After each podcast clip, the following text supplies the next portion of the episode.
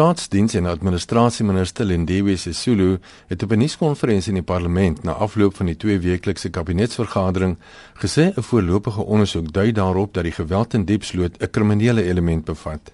Cabinet is cautious not to label these acts of violence as xenophobic because pre preliminary evidence indicates that these acts may be driven primarily by criminality. Cabinet commended the law enforcement agencies for their swift and decisive action in this regard. Sisulu het ook aangekondig dat die kabinet 'n groen skrif op polisieering goedgekeur het wat vir kommentaar in die staatskoerant gepubliseer gaan word. Since the establishment of the South African Police Services in 1994, there have been many changes in the internal and external environment that have impacted on the service's understanding and of, of their response to issues of crime and safety.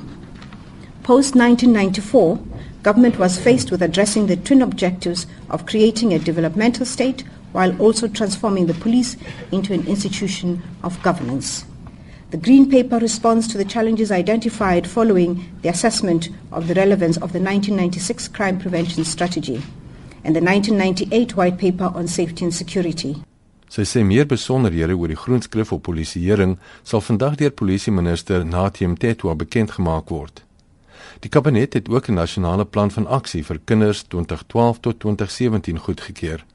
Dit is daarop gerig om staatsdepartemente en die private sektor bewus te maak van die regte van kinders en hoe om uitvoering daaraan te gee. Plan has five main themes. 1. Child survival, e.g., reduction of child mortality. 2. Child development, e.g., early childhood development services.